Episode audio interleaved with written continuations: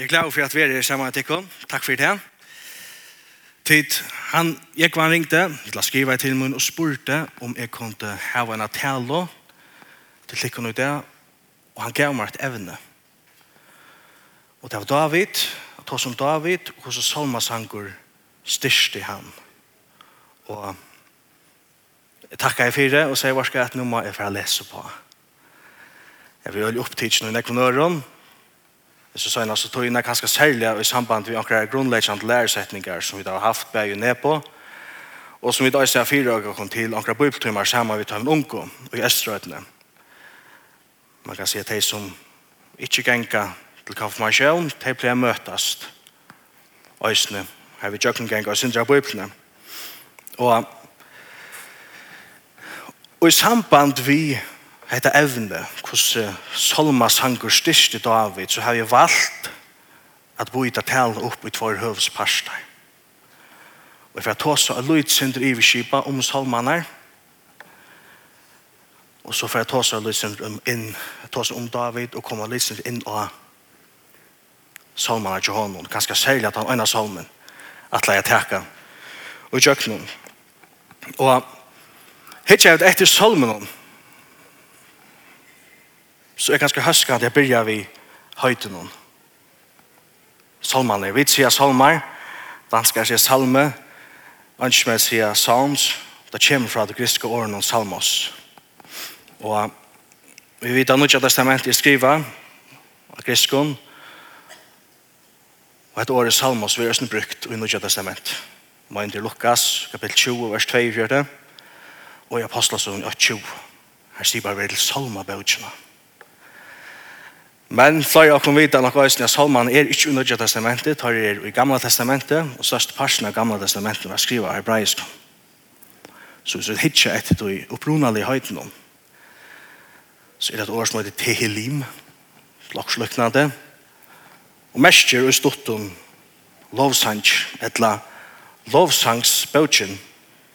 Og etter altså lovsangsbøtjen tja, tja jødenom, som tar brukt, og ta jeg liksom tenker etter, så husker jeg bøyna vi om et, et sanghefte som ble givet ut for noen år, så gjerne. Kalla lov og herren om. Helt ångsvekten er til sikkert et hefte ganske, et lov lovhøyde ganske høskende for salmaner. Til uiblåstren, til, til høyde love herren, det kommer jo ur salmen. Og salman er hundra og holdt trus i tale, og rettelig at tullja blir det balkar i fem høyde bøker. Her alle bøkene enda vi en lovprysen. Første bøkken, man kan si hun er til ikke 150 til der er fem. Det vil være pura naturlig for meg, som er en strukturmenneske. Det er det ikke. Første bøkken er inngjeld salmene 8 til 41, så fra 42 til 72, 73 til 94, 94, 95 til 106, 106 til 106, ja og strange strukturer ut som så. Og, men ta vi så kava lutsen nir i salman her og hitja, så sutja vi at summer av salmen her og iveskrifter. Og iveskriften er typisk i fyrsta versen. Vi kvarst sier seg iveskrifter hver jeg skriva salmen. Vi kvarst sutja vi hver jeg eller hver jeg for skulle brukas til. Ankre, ankre, ankre salmer her var søvelige vimerskinger og kunne til knytast at en er særlig hending og er salmer skulle brukast til avvis høver til dømes salmerne 113 til 118 tar vi rakna er høyre til påskehøgtøyna salmerne 120 til 124 har alle iveskriftene av hatøyer fer og høyre til ångsvegna til, ta folk ikke ferast til Jerusalem. Og hoksa vi så om, om høvundanar, så kan man sija fra en en menneskelig er fra sjøen, eller menneskelig perspektiv, så vet vi at det er tjej høvundar som har vi til å skrive salmene. Men fra en god damlig perspektiv så vet vi at god er vi i ødlån salmene. Og til nekka som vi trykker og lærer seg. Vi sier ofte at Bibelen er skriva av månen under løslo av hele andanen. Vi vet altså at David han skriver om løy heltene av salmen. Mener at det er 3,5 salmer som sier på en løs at David har skrivet. Så leser vi det mener til Apostasønnen 4 og i Hebreabran 4. At brøvene og bøtjen syper til en avvisende salm som ikke er noe høyte, men her til si at David til skriva. Som i 45 salmer hever han i øtlom før han skriver. Asaf skriver 12, Sinikora 11, Salma skriver i 2, Moses, Heman og Etan skriver så hver så inn. Så det er omlag en tringur, her vi vita, hver han menneskelige høvundren er, men god hever vi i ötlum. Hoksa vi så om tøyene, När tar er skriva er? Så leser vi at i Salmi 5 så er det Moses som er skriva han. Moses, han levde om løy år 1400, 1500 fyrir krist. Etla 500 år, år en David levde her løy. Og i Salmi 136 så kommer det, man kan si, nok så setninger som er nok kjent, som vi sikkert alle kjenner. Kanskje ikke tog i ta stender i Bibelen, men tog i bøn hjem, synger han. By the rivers of Babylon, there we sat down. Yeah, we wept when we, we remember Zion. Vi einar i Babel, søt vi og gråt og tar vi myntost. Sion, hese salmeren, et lese setninger, han forteller oss så mykje, at han var skriver anten under utleggene, eller etter utleggene. Og da sier bare til Babel, eller Babylon, ja, men så er det tog at ta ta ta sunnare rich juta för utlägg til Babylon. Det var omlai 605 utläggning började igen. Og var det i halv år. Så nu har vi faktisk faktiskt en psalm som Moses skriver omlai 1500 fyrir Krist og så en annan psalm som skriver under utläggningen til etter utläggningen Vi er 500-600. Så vi har spennende og på 900 år. Og så kan man si at har vi tar så større spennende og tog jeg skal på 900 år, så vil det være pura naturligt at omstøvner øysene brøytast. Og tog, man kan si, er det øysene helt så underligt at evnene til at temaene ui man kan si, ui salmen, de brøyda støysene. Og å finne et høvesevne til salmene er nok så torf først. Vi tar under alt salmer, skriver jeg av imenskun høvendon, imenskun tøyen og under imenskun omstøv. Vi kan balka der sindre opp. Ta lås hanji, takkar hanji, sorgar hanji, vi tar sanji til salmer som snikker seg om vysdom og alit og så framveis. Men som vi ser til hugsa i om etter, så hvis man skal seta et evne av, så hugsa jeg at her kunne det kanskje være gerandstavren til akkurat mennesker. Eller bare liv. Livet her av hjørne, og livet sammen vi god. Så ikke så mye sitter jeg. Jeg har ikke spørst det, men jeg får sitere noe som du har sagt. Det er en fantastisk sending som har vært i lintene. En forvittneslig ferie i Jøkken Bøyblene. Er det Jøkken Gins Bøyblene? Og så minns han siterer etter, eller sier etter, «Reie traveren og i salmenon er en djup godsbevursthet. Gleden gjørs fullkommen ved å suttje herran, og sorgen misser sin brått ta vevnen ved sett til herran god og Israels. Salmaner viser oss god som skapare av allheimenon, Han som allt valdande trøvnar og himle og heldur skapar med verste så inn oppe. Men salmanen sier og nøysene at han er en personlig god som har samtkjenslo ved falske søgnen og som langest etter at vise omsorgan og nøye og heva samfella. Vi kunne komme til hans herre just som vi der vi okkar vennbråten, synden og finna hjelp fra herran. Så fantastiskt handrit kan man säga som han är som sätter liv eller år av liv människans og som viser oss av en väldigan god som inte att häva samfälla vi och Og nu tar vi det vi lyser inn i vis holmanar, bare i skipa så er kanskje tøyen kommen, jeg får ta sånn løsning om David, vi kjenner ham veldig, veldig vel. Vi tar nekka søver om David. Det er flest som vi minnes til gauar. Og man kan si at det gjør søvnar som vi tar i det gjør okkom ganske øyne mynd av en person som er helt selv. Kanskje en person okkom vil være vi at det er med oss som er all in i høylen hjersta for han inn vid han sang, så Saul fikk fri i salene. Han dansa i, fyr ørskene. Så kona sa, Mikael hei skamma honom. Han får vi øynene slungeband etter en risa. Og lett støys når var ører i høtten om, Så fortjente skulle råkna han og farlig han. Vi kjenner som en, en hyra, en herløyere, en kong,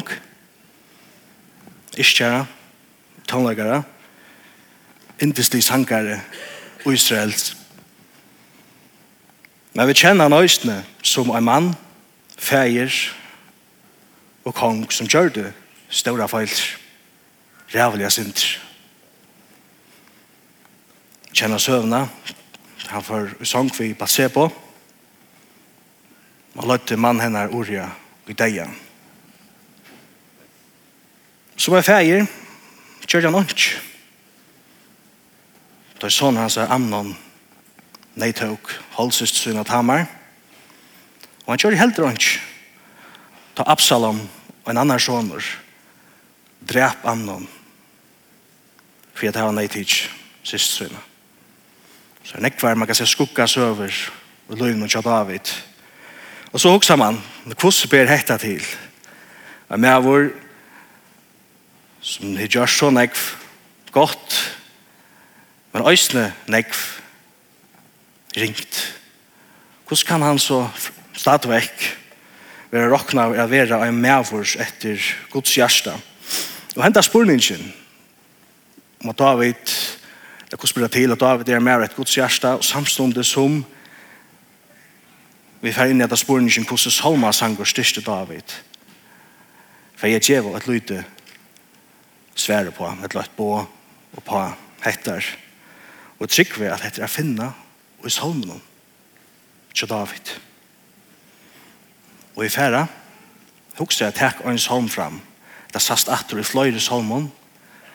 og jeg takk og en salm, en salm fram. Det akkurat lise, når sunnkje sannsyn god skaper mer at hjärsta røynt i det. Sangen er skriver ut fra salm i øynaltrush. Jeg takk han fram i det. Så Salmor 1,5. Jeg leser noen vers. Her stender til sangmasteren Salmor etter David. Til ferierna og Nathan kom til hansara etter at han er vært inne til Batsebo. Så sier han er god Fer mer nægjur etter gøsko tøyn. Stryka ut brått mine. Etter større og miskunn tøyne. Tvåa meg halvt røynan fra skilt mine, rensa meg fra synd mine. Så jeg kjenner misbrott mine, og synd min er mer alltid fyrir eia.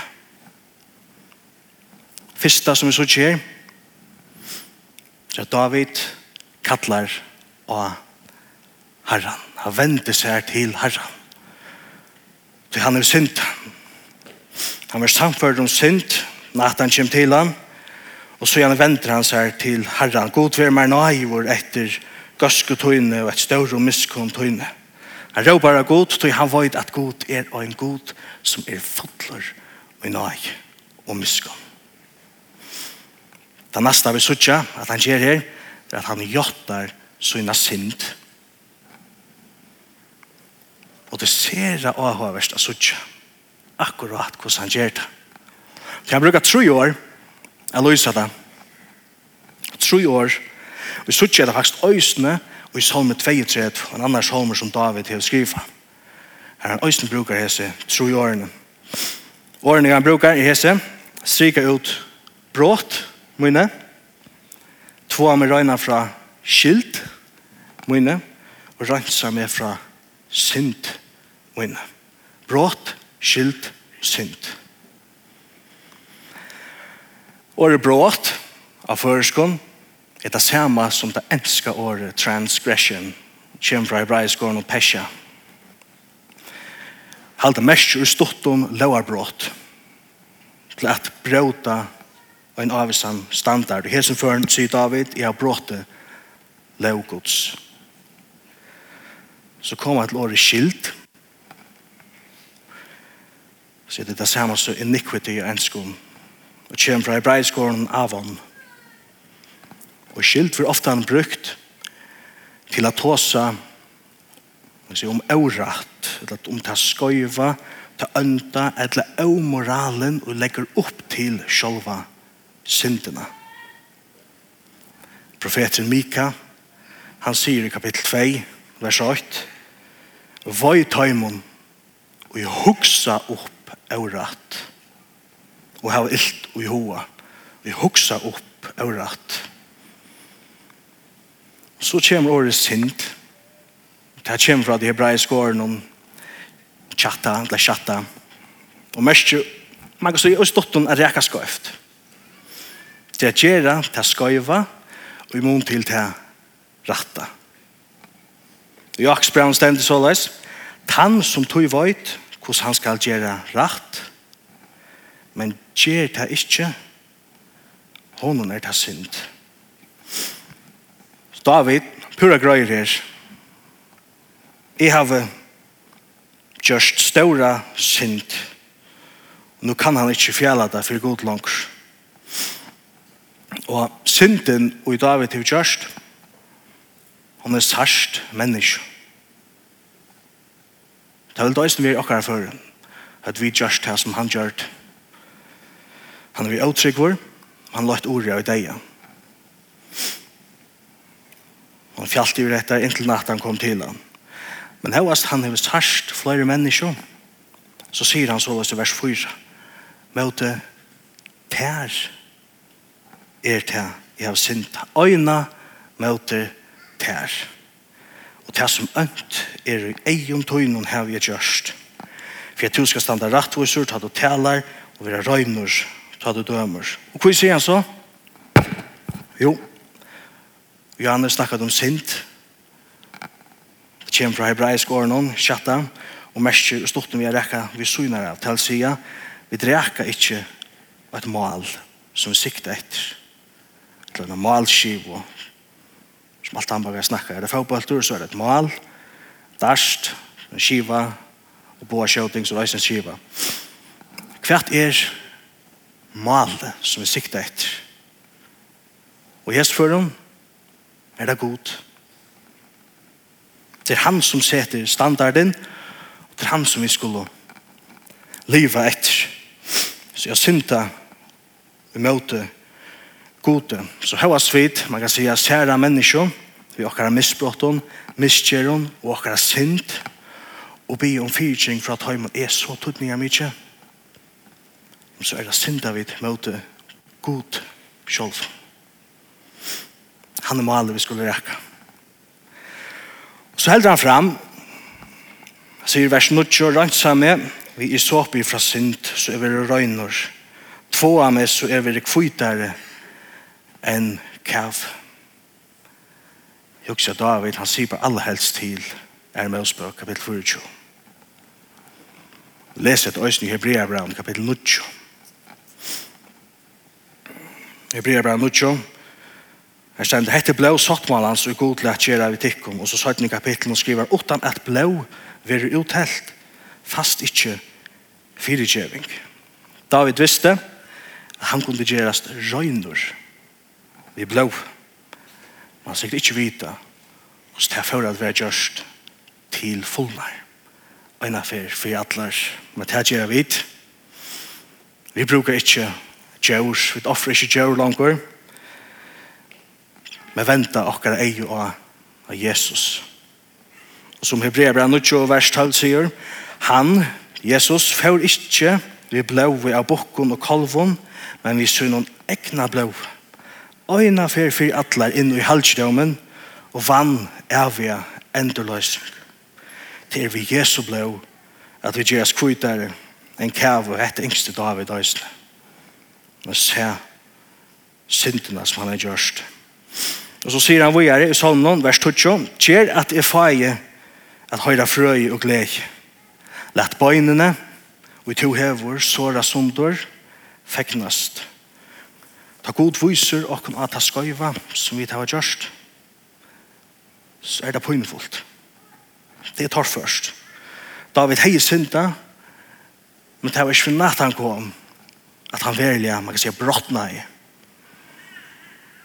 Onker hua samanløkna det vi han lakna, som skal seta et bøyn rett at da det vokser samanskøyft.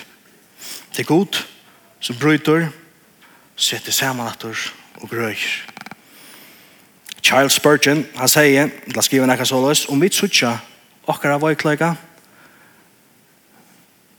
og oppleva kraftgods til frelso, så kjer hette okkar noen sang og hjärsta som best bråten bøyn læra. Så heldur han fram i vers 13, Da vi sier faktisk, tek ikke heile enda til fram her. For også vekkene til å lese etter, så sier at det er akkurat det. Det er heile enda som virker og gjør Samførs han om synd. Han vil heve at anden helder fram at viska. Og vi ser etter øyne kallet han for åkken i det. Så leser vi versen om 14 til vi sier ikke Gjev mer aftur a gledast om frelsetøyna, og halt mer oppe vid fusum anda.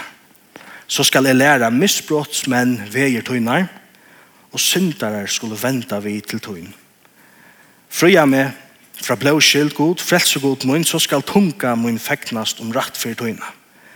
Herre, let opp varar munar, så skal mor mun kunnkjera prøys tøyt. David byr, god om at gjeva seg frels og gleden atter, så han kan bære gleden av vujere til andre mennesker. Herre lett opp varje munner, så skal mor og min kun gjøre prøystod. Hei til tøytninga mitt. Jeg husker særlig om jeg. Jeg sier ikke det østene, vi er mennesker. Ta et, et synte, så har vi øl ofte hun er gøy med meg. Trettje meg Så jeg hadde følt at jeg ikke noe gav at tjene. Men David, så som er skilt jeg til her, han sier her at gleden og jeg får fire kjøring og er at etter åkken til å halda fram av bo gledebåskapen til andre mennesker. Og slett dere minnast til dette. Og som vi tar i jøkken i disse versene, Man kan säga, och i sommarfören så kunde du gott sätta flor på en. Vi heter, jo, jag kallar herran, fortalt mig att, fortalt hon att jag var synta. be han om att grøtt okkon, eller grøtt med, så jeg kan gledes at og tjekk. Tid så nytt er det lyd, om hette ikke vi gjørst vi har noen brott og hjärsta. Som David Øysten er inn i Ahers, og i vers 9, offer til grot, er sunder brotten amt som du bråte, som du sørre hjärsta, vannvirer du ikke god. Så det var stort om det som Salmer 1,5 snur seg om, og hvis vi skulle gjøre en liten samantrått, det skal forenda nå. Så er vi inne ja, at Salmerne er en fantastisk handvitt. Og vi ser det år, av kjensler og støver som vi mennesker kjenner og kan atter i. Enn han det er, som man en lysa løyve og samfellet så vi tar til andre mennesker. Man kan si at han lyst han vandrette verløyga. Men så man vis øyne okken, han lottrette verløyga. Det er samfellet så vi mennesker og at her var vi god. Av her som 150 hånden har David skriva om løy heltene. Og så har man en lys han som en person som hei opp og nye tur turer. Og hvis han ikke var fullkommen, så var han med maver etter Guds hjerte. Og som vi tar tjøkken gengjøs halm øynaltrus, Hette ikke bare øynaltrus, som viser etter om David, det som vi lærer om David. Det nekker er salmer som viser det samme. Han tog det omyndelig vel at vende seg til Herren. At gjøtta sina synder, og så han ble bygd opp at så han kunne holde fram. Og jeg trykker vi at dette er mittlom annet til som gjør at David er med over etter Guds hjerte. Vi tar så ofte om vent ut eie av Jesus. Jeg inn i hans anlitt så karst. Og at hansens glede vil fana bort, og ut og nage og dord, ut hos harst. Her var eien vent av herren. Og han tog det så almindelig var å suttje et her. Og han, liksom, han ser seg selv og i øyne støv og hvordan han stender i mån til god. Og det som god ikke vi har noen Og i salmen 19, som han øysen skriver, er pur omvendt. Nei, omvendt, ja. Han byrjar ved suttja god. Himlan er kumkjera, dortansara, kvalve ber på om handaverskansara.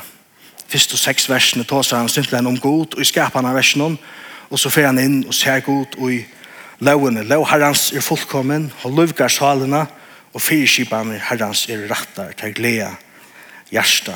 Og ta i han så ser god, Først du skapar han, og så er lovene, så hikker han inn i seg sjåva. Og sier jo, fire kjemmer, løgnbjø, syndemøyner. Vær var det også en at hun fra skammelig og syndom lette ikke roa ive mer. Ta vær i løytaleis og ikke seker i større misbrott. Lett år, munns, munns, og hoksan i hjertet munns lyga til herre, klette munn og endur løysare munn. At du var suttja, syna støvom, i munn til god og til som god innskjer at suttja tøytningen og hava et tatt og rett samfella vi herran. Og hette er nek som er eikjenn og hun öll. Og så kunne vi spyrja, hvordan brukte David salmanar, eller hvordan ble han styrstur av at skriva salmanar? Øylega og spurninger. Og sværen som jeg kom fram til, som er fyra gammel talna, det var åtte år. Det var verre var et engstor. Det var et process. Det første år kom det være tilgångt. David er enda av en støve. Det kan være en gøvstøva, det kan være en ringstøve. Men så fer han en tilgångt at sette år av det som han fer i jøknum. Og til dømes i salm 100 trus, som er en lovprysa, så sier David ikke bare lov god. Amen. Nei, han får inn, han får inn at definere akkurat hvordan det er vi skulle love honom. Halleluja, lov er god til hver. Jo, i halvdom hans her, og sterska kvalg hans her. Og for hvert? For veldig og versk hans her, og store dårlig hans her. I hver jo? Hopplastre, hørspo, sitara, trommo, danse, strangelage, fløyto og skaltrommo. Alt og du andadrott hever. Hever Lov i herran og halleluja. Han setur år.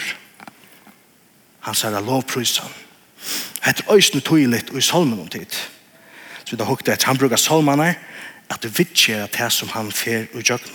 Han setter år av kjenslene og at omstøvner. Hvor gjør han det? For jeg skiljer at han vet hva er han fer i jøkken. År av kjensler og omstøvner så han kan komme nærre god du får hans et år av sine kjensler og det som han får i jøkken så blir det håndgripelig og latter at løse er det også som ulmer inn her at tøymer ikke vet ikke at man tøymer ikke sett året da så kan det tere dere bort Halt at heter åtta et som gjør David så fantastisk og Salman han til Han ser et år av det som er for jøkken. Det er godt og ringt. Og måtte vi last av lødsindre av Hesum. Det som vi var inne i, sunker jo Anne, god skaper med et rønt hjerte og gjemmer av nødtjon, støvan anda innan og i mer. Også som vi færer stjøkken løyve. Måtte vi haft god vi okkom og i öllum tog som vi gjer at tåra sitt år av det som vi fyrir jøkken vi kan så skøyde på at har vi lesa salmane så sutja vi at folk er ikke smegin de tåra øysten er koma vi tog som de strujast vi hvis vi tungt av ber møtløys, røye og et godt tjokna vi av i det då vi skulle heldig ikke smegast at letja alt fram for Herren. God tale det. Så måtte Herren sikna årsut til åkken og om Herren sikna tikkun her og løytene. Amen.